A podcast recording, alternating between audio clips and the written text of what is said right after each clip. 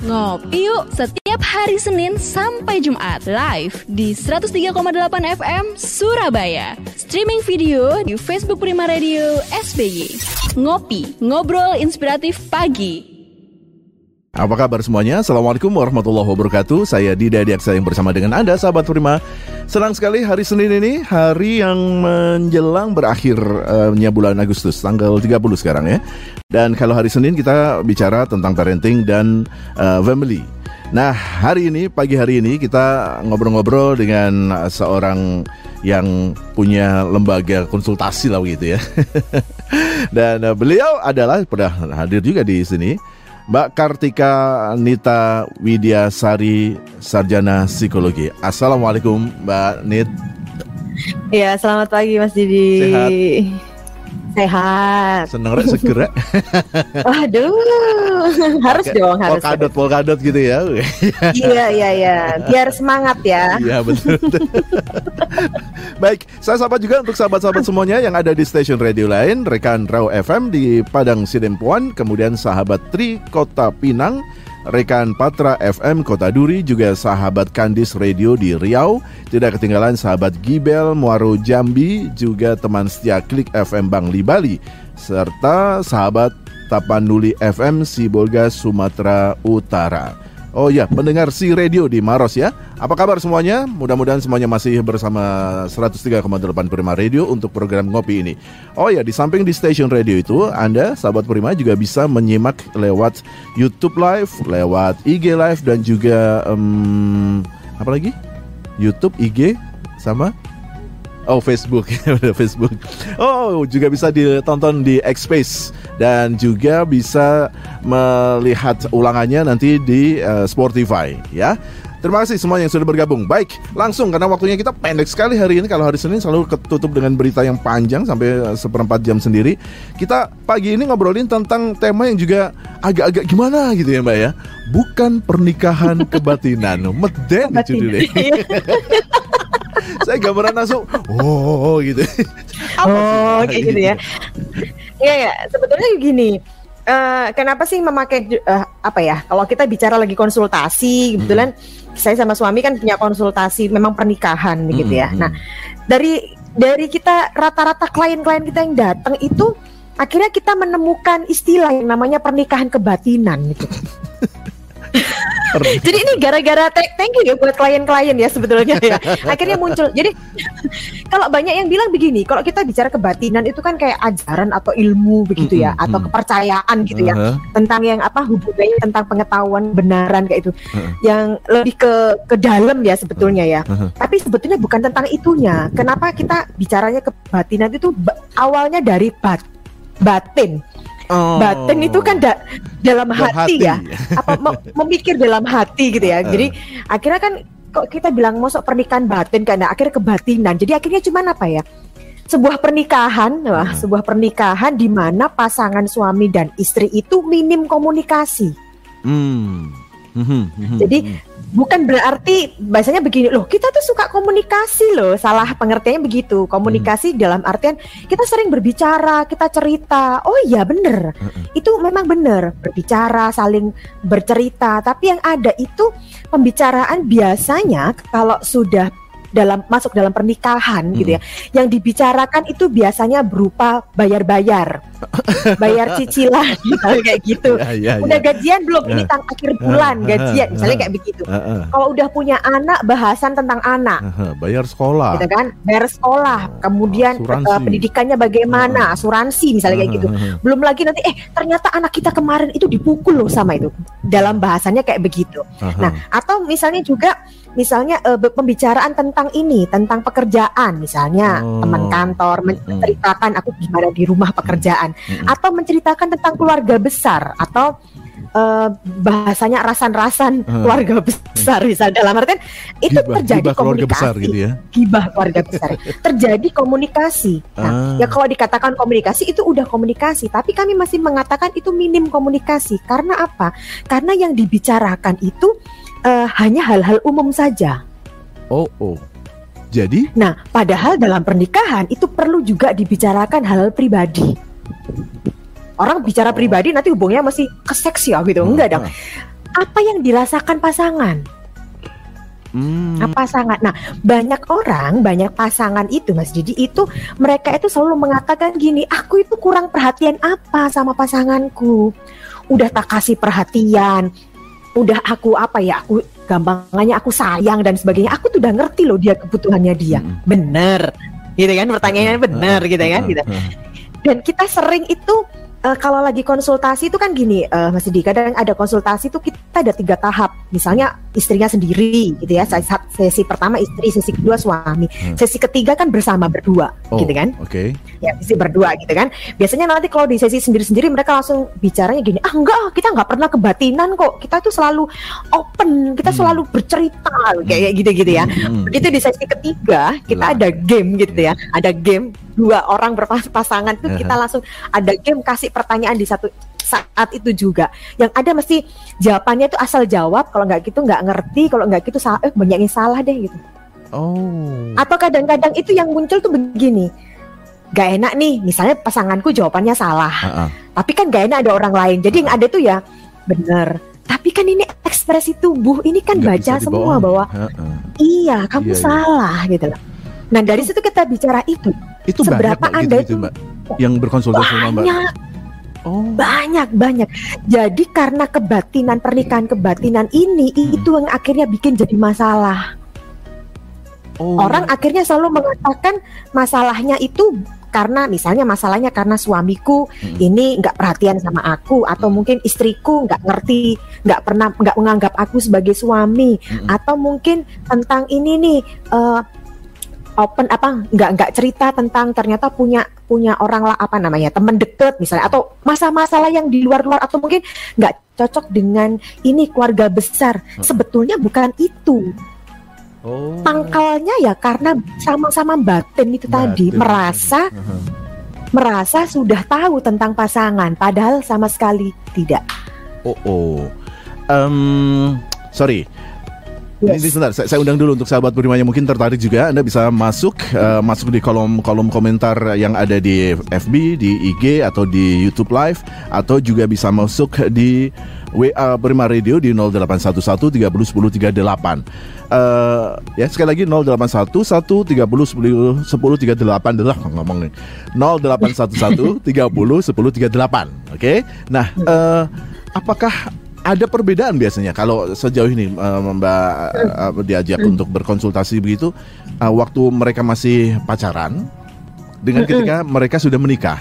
Oh, kalau pacaran Yes. justru lebih terbuka, bla bla bla bla. Tapi begitu menikah, hmm? jadi kebatinan Enggak. itu tadi. Nah, oke. Nah, ini terjadi ini sebenarnya jebakan juga. Kalau kita Hmm. mengatakan jebakan pernikahan. Oh, Banyak istilah-istilah kami ya. eh, Ada jebakan pernikahan. Yang Hmm. ini bilangnya begini. Kita di pacaran itu kita tuh semuanya open. Kita udah cerita semuanya. Gitu ya. Tapi di pernikahan kita juga udah cerita semuanya atau bahkan nggak apa ya? Ya kita tetap gayanya perpacaran. Nah, ini jebakannya di situ. Pacaran Oh. dengan pernikahan ini beda. mhm. Banyak orang itu akhirnya yang mengatakan begini, yang bahwa, eh, apa namanya gaya atau eh gaya pacaran atau cara apa ya cara komunikasi saat pacaran Hmm. itu juga dibawa dalam pernikahan. Nah, Oh. padahal ini sudah beda situasi. Harusnya ada ada apa ya kalau bahasanya revisi lah gitu loh ya. Hmm. Ini udah udah masuk ke pernikahan nih gitu kan Mm-mm. udah masuk ke pernikahan nih gitu ya gitu. Nah, eh, apa namanya kalau bahasanya begini, seopen opennya waktu pacaran, Mm-mm. Seterbuka terbukanya waktu pacaran Udah deh, Mas Didi deh, Mas Didi waktu Hmm. pacaran cerita nggak ke pasangannya, open nggak, buka topeng nggak gitu kan? Bahasanya pasti, ah aku tuh udah wis nggak pakai topeng, udah tak lepasin topeng. Nanti yang namanya pernikahan ada lagi loh. Oh, iya iya iya. Karena kan kita bicara begini, kita bicara kalau kita bicara secara psikologis ya, orang itu berpacaran itu kan nggak kita ada komitmen, tapi kan komitmennya tidak memberatkan ya. Mm-mm. Kita putus waktu-waktu boleh Bisa. gitu kan, bisa, Eh. bisa. Gitu. Tapi pada saat menikah kita juga punya komitmen. Komitmennya ini lebih apa ya? Dipertanggungjawabkan lah gitu, secara Ah. agama, secara negara. Nah ini membawa dampak psikologis tersendiri. Nah, sebentar, sebentar. Ada yang masuk. Ah, Kita stop dulu. Bapak Oke. Ridwan yang ada di Jogja. Terima kasih untuk Pak Ridwan yang mengikuti dari streaming Prima Radio. Eh, pertanyaannya atau mungkin pendapat nih. Bapak Ridwan ini sudah menikah 10 tahun. Dua orang anak. Nah, Mhm. karena sama-sama kerja, sekarang-sekarang ini jadi susah menurut dia untuk berkomunikasi dengan istri. Paling sederhananya saja, misalnya waktu makan malam atau waktu eh, istirahat malam gitu, itu sering tidak sama. Karena saya misalnya biasanya saya pulang jam 9 atau paling cepat jam 8 malam. Istri sudah sampai di rumah. Nah biasanya dia makan lebih dulu. Setelah itu karena besok harus bekerja jadi tidur. Jadi ngobrol-ngobrolnya ya bisa dihitung berapa berapa kata gitu. Paginya paling ya sudah persiapan lagi untuk kerja. Nah, eh, apakah ini sama dengan pernikahan kebatinan tadi? Nah, sebetulnya pada pada prinsipnya begini. Oke, misalnya banyak yang terjadi kalau kita bicara kayak Pak Ridwan tadi. Aku ini minim minim komunikasi, Hmm. Minim komunikasi. Tapi da- dampaknya begini. Eh, Oke, seminim minimnya komunikasi. Yang Pak Ridwan tadi bingung atur jadwal. Mm-mm. Ada nggak sih? Boleh nggak sih eh, meluangkan sedikit aja? Nggak usah lama-lama. se- apa ya? Satu jam deh, Hmm. satu jam misalnya kayak begitu ya. Eh, komitmen berdua perlu nggak kita ngobrol berdua karena perlu banget sebetulnya ngobrol berdua sama pasangan jadi di komitmen gini aja kalau saya bilang ini jadwalnya nggak bakal bisa inilah ketemu gitu ya Mm-mm. Bangun lebih pagi bisa nggak? Mungkin nggak. Oh, nggak iya. harus setiap pagi. Nggak harus setiap pagi. Hari misalnya seminggu sekali dua minggu sekali atau bahkan sebulan sekali pun nggak apa-apa. Gitu ya. Oke. bangun lebih pagi atau tidur lebih kalau saya rasa sih mendingan bangun lebih pagi jangan tidur lebih malam karena lebih capek ya. Hmm. nah pada saat ngobrol itu coba deh ngobrolin tentang how do you feel? Hmm. Apa yang kamu rasakan Rasa- selama ini Hmm. dengan pernikahan kita? Kamu punya apa? Kamu pengen eh, aku pu- punya ini nggak? Apa namanya? Misalnya aku pulang malam apa tanggapanmu? Ap- apa yang kamu rasakan pada saat kita nggak pernah makan malam? Mhm. coba deh ditanyain itu. Nggak tanya hari itu boleh luangin sejam deh. Nggak ngobrolin tentang cicilan nggak ngobrolin tentang anak nggak ngobrolin tentang pekerjaan tapi how do you feel about me? Apa yang kamu rasakan tentang aku apakah aku selama ini udah menurutmu udah cukup belum kasih perhatian Ya, ya. Nah nanti pertanyaan ah nggak apa-apa udah cukup kok kalau kalau jawabnya kayak begitu tolong ditanya lagi karena kadang-kadang ada yang salah Mungkin kadang-kadang masih pas- ditutupin ya. yes ditutupin. Hmm. bisa jadi terus kemudian eh, kalau kayak begitu begitu ya kalau kayak begitu misalnya langsung tanya aja kamu sukanya aku ngapain Oh iya, sederhana itu ya. Kamu sukanya aku ngapain? Misalnya aku apa apa ngobrol kayak begini atau ngobrolnya via chat atau surat atau apa atau email. Kamu sukanya aku aku ngapain? Nanti kalau gitu sebaliknya boleh tanya begitu. Oh. itu yang supaya supaya apa ya? Gampangnya begini. Bisa jadi loh ini kita boleh pakai contoh Pak Ridwan ya. Kita tapi kan nggak tahu apa yang dirasakan si istri. Mm-mm. Mm-mm. dengan sibuk kerja. Butuh nggak sih si istri itu ditemenin ke pasar Ah, hai. ya ya ya ya. perlu nggak sih istri itu dipijitin gitu Ah, ah, atau cuma sekedar dibantu nyapu nyapu deh perlu nggak butuh nggak gitu lah Ah. Ini nah boleh pertanyaan ini nggak? sekaligus ngindur sari juga ya. oh gitu ya Nah, kemudian terkadang kita itu begini eh, berbicara gitu ya, tapi kualitas apa ya? Apa yang kita bicarakan itu yang terkadang itu kita selalu bicaranya tentang hal luar. Hmm, ya. Coba hal dalam. Misalnya, eh kamu lebih seneng itu aku bangun pagi, bangun pagi itu aku langsung apa namanya bantuin kamu atau aku ngurus kerjaan atau aku ngapain? Hmm. Nah kadang-kadang ban- kalau lagi bangun pagi gini nggak apa-apa deh nggak usah dibantuin kerjaan ngobrol deh bentar deh atau mungkin eh, nggak usah lihat handphone dulu deh ini deh bantuin ngapain deh itu kan perlu ngobrol kayak begitu Iya. biar iya. nggak batin sama Nggak batin, betul, betul, betul. Oh, oke, oke, oke. Sahabat Prima, Anda pengen yang seger-seger? Nah, segernya itu ya pakai ini. Cheers Alkaline Power 230 ml, sahabat Prima. Di samping rasanya bisa membuat kita segar, bisa membuat kita terjaga juga daya tahan tubuh, juga bisa melindungi tubuh Anda dari virus. Nih, lihat ya. Saya mau minum tapi karena puasa jadi saya nggak mungkin untuk minum ya. Nanti saya bawa untuk pulang ya. Baik, kalau misalnya Anda ingin berlangganan, silahkan Anda memesan di area Surabaya dihubungi di 0877 77243377 atau 08071 243377. Sahabat Prima di rumah saja, biar kami yang antar.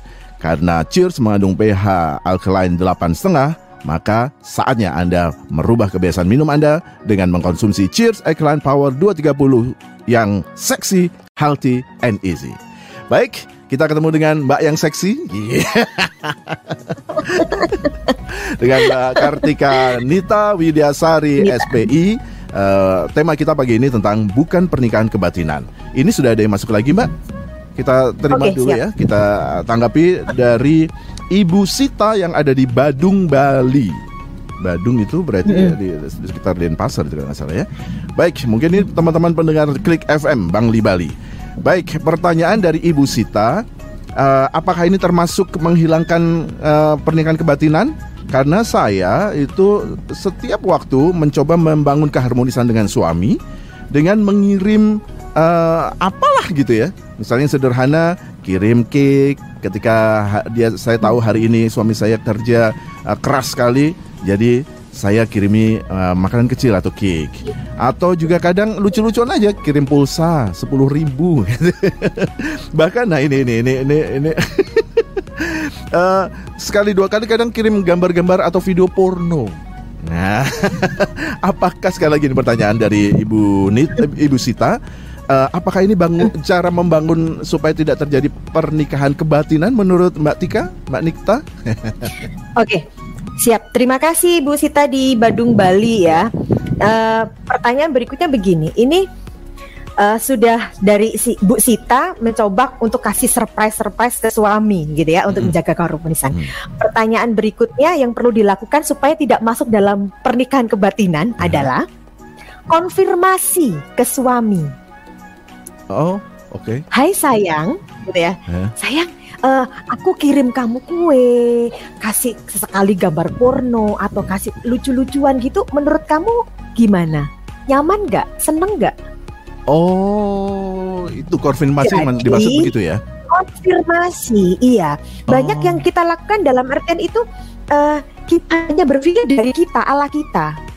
Hmm. Gampangnya kan begini. Hmm. Uh, cara me, uh, supaya kita, kita harus selalu membangun keharmonisan dalam rumah tangga. Kita harus menumbuhkan cinta, selalu harus ada cinta gitu kan ya. Nah, pertanyaan berikut kita mau, oke okay, aku mau kasih kayak gini itu katanya para ahli itu kayak gitu. Hmm. Pertanyaan berikutnya yang nerima ini mau nggak? Bener nggak dengan dikasih kayak begitu itu menunjukkan bahwa si istriku tuh sayang sama aku, perhatian sama aku. Jangan-jangan. Atau jangan-jangan si suaminya bete Oh, Bete sebel. Apa iya. sih bawain kue kayak begini? Kayak anak ulang oh. tahun bisa jadi ya kita nggak tahu. Iya, iya, sih kirim-kirim iya, gambar begini? Kalau lagi lihat kayak gini ketahuan di teman kantor kan nggak enak. Hmm. Itu yang perlu dilakukan konfirmasi dulu. Uh, surprise boleh, tetapi sekali lagi tetap harus ada konfirmasi gitu ya Mbak? Yes, jadi dalam artian gini, kita mau kasih surprise gitu ya. Misalnya, uh coba deh kasih kue gitu kan, kasih uh kue. Terus kemudian kita coba konfirmasi dalam artian jangan habis dapat kue terus konfirmasi di tempat kerja ya. Uh-huh. Ntar kalau udah pulang uh kayak gitu atau mungkin nggak sempat besoknya cari waktu yang santai konfirmasi. Eh, sayang kemarin uh, apa namanya? Aku aku kirim kamu kue ke kantor itu kamu gimana? Seneng nggak?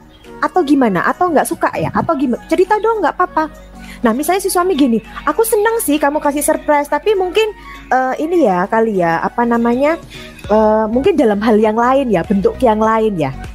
Nanti bisa ditanya, eh, oh. eh apa itu? Oh, berarti kue nggak suka apa? Mau aku kirim apa? Atau jangan kirim ke kantor deh, nggak enak nih sama temen kantor. Oh, Oke. Okay. Oh. Terus okay. tanya lagi, misalnya nih, misalnya aku lagi misalnya aku lagi kepingin apa ya waktu kamu lagi kerja aku kepingin kasih kamu sesuatu biar hmm. kamu semangat hmm. kayak begitu ya hmm. apa yang harus aku lakukan hmm. ditanya oh. gitu loh ya, ya, jadi ya, supaya akhirnya sama-sama ini uh, yang satunya mau kasih mau kasih surprise surprise-nya diterima dengan baik yang ya, sini juga ya. akhirnya menanggapi bahwa oh ya ternyata istriku tuh mau kasih surprise mau kasih semangat buat aku Nah Hmm. itu ditanya, itu konfirmasi dulu gitu. Jadi yang udah dilakukan Bu Sita benar gitu. Jadi supaya lebih lebih tepat lagi, lebih tepat sasaran bahasanya gitu konfirmasi Bu, Eh, konfirmasi ke suami. termasuk siap-siap kalau misalnya suami eh, akan merespon yang negatif tadi ya misalnya eh Mm-mm. eh, sorry ya kemarin nggak sempet aku makan karena lagi meeting Hmm. atau eh, enak sih Ah, enak tapi terlalu manis kan saya kena itu diabetes misalnya begitu Eh, Nah, siap juga ya kalau di komen-komen seperti itu suaminya ya kalau suaminya bisa ngobrol kayak gitu enak banget malahan. Oh, berarti kak nggak berarti kamu senang kalau aku kirimin kue, cuman kuenya nggak usah terlalu manis kan begitu kan? Mhm, Oh mhm. berarti eh, kalau kuenya itu berarti jangan pas dia jam-jam meeting gitu. Nah itu kan malah Hmm. malah itu malah enak gitu loh. Udah Mm-mm. udah nyaman banget. Mhm. Yang ada terkadang itu kan pasangan kita itu maunya itu menghargai pasangan. Mhm. Jadi sungkan kalau mau berekspresi yang sebenarnya. Oh ya karena nggak pengen itu nggak pengen ngecewain Nah, justru itu sebetulnya heeh. sama kayak misalnya kayak gini. Eh, misalnya ada pasangan gitu ya, ada pasangan terus kemudian eh, ini kok tiap apa namanya?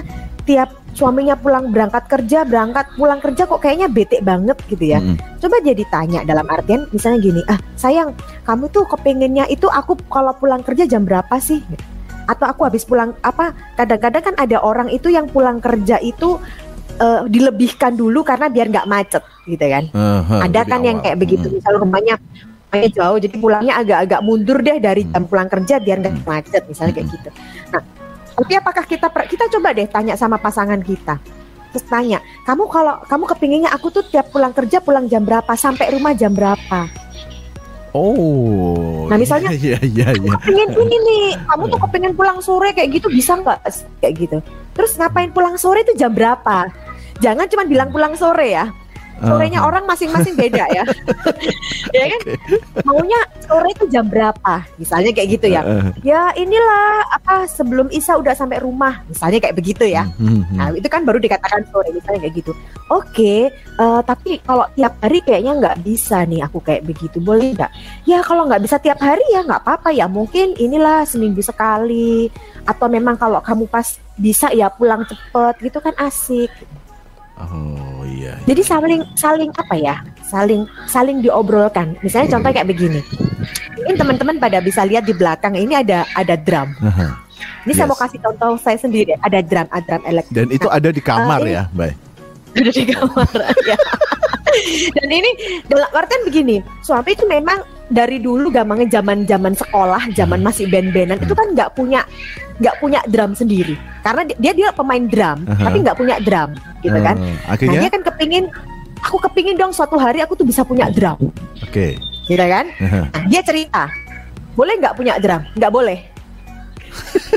Saya bilang nggak boleh. Tapi dia bilang, nah kalau cuman berhenti sampai di situ aja bete dong. Heeh.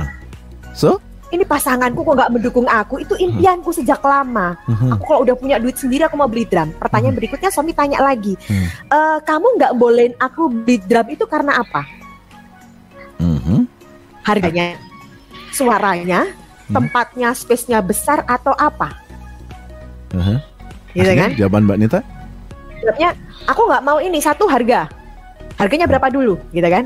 Iya, ya Duit biasa. kan, Menteri gitu kan, Keuangan ya. soalnya ya, ya, ya. ya. Yes, keuangan gitu kan, masuk akal. Yang kedua, suaranya aku nggak suka, ruang berisik nanti, Mhm. gitu kan? Mhm.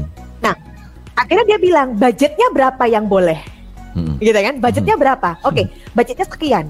Dia cari informasi, eh ada loh namanya. Eh, saya diajak ke pameran. Oh. Zaman-zaman masih belum pandemi kan kita bisa datang pameran. Ada pameran musik itu datang. Ini namanya drum elektrik. Dia main. Dengar nggak kamu? Aku cuma pakai air, pakai headphone kan dia. Dengar nggak? Oh, iya, iya. Jadi iya. headphone dilepas, Aha. headphone dipasang bisa, semuanya bisa. Dan ini space-nya kecil, tempatnya kecil bisa diingat dan ternyata harganya ini lebih murah daripada yang besar dan sebagainya. Dan ini Mhm. kualitasnya sudah oke kok. Dia dengan sebelah, ya udah deal berangkat kan. Akhirnya Tapi ketemu. ngobrol akhirnya Titik, ketemu. titik yang Suami seneng, saya juga Iya. seneng. Oh, yes. Jadi bukan dalam artian begini, stop hindari untuk aku tuh nggak enak sama suami eh, pasanganku, aku tuh kepengen menyenangkan pasanganku. Pasangan Anda seneng, Anda nggak seneng, sama aja rumah tangganya nggak pas jadinya. Oh iya iya Dan iya. ada dalam pernikahan dua-duanya harus seneng. Ini ada dari Pak Edi Wijaya, tinggal di Denpasar. Oh deket nih tadi dengan Bu Sita ya. Baik, terima kasih Pak Edi. Pertanyaannya, saya mencoba untuk selalu mengadakan dating di hari tertentu, hari Rabu. Setiap hari Rabu gimana caranya supaya ada dating dengan istri? Apa pun saya dan dia lakukan. Tapi kok tiga bulan terakhir ini sepertinya hambar ya? Eh, untuk hambar, hambar itu kan berarti bisa jadi bosen ya, udah Hmm. bosen. Nah, yang hambar ini pertanyakan adalah Pak Edi aja yang hambar, merasa hambar, Aha. atau keduanya merasa hambar. Tapi yang perlu Pak Edi lakukan sendiri, gini. Dari Pak Edi dulu aja. Mm-mm. Menurut Pak Edi supaya Pak Pak Edi kepingin apa? Pengen lakukan hal apa yang biar menurut Pak Edi nggak hambar? Nah, Pak Hmm. Edi coba cari dulu tahu. Setelah itu konfirmasi ke istri.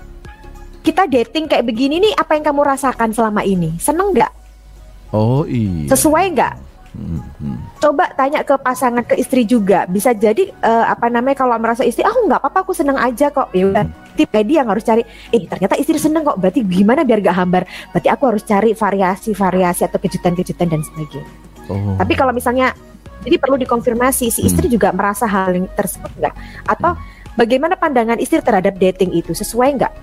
Menurut dia itu udah pas belum nggak sih gitu Hmm. untuk menjaga apa ya, itu keharmonisan. Nah, Hmm, hmm, menurut hmm. menurut istrinya Pak Edi, apakah dengan eh, berkencan ini dating tuh eh, termasuk salah satu menjaga keharmonisan gitu? Oh. Jadi perlu konfirmasi ngobrol dulu. ngobrol lagi, jangan batin-batinan. Iya, iyalah. Jadi dalam artian gini, stop hindari untuk gini lah. Aku merasa bahwa suamiku akan tahu, pasanganku akan tahu kok apa yang aku pikirkan. Atau Hmm. begitu pula sebaliknya. No. Nanti istriku kan tahu aku maunya apa. Iya kalau tahu. Kalau ternyata tahu tapi salah gimana?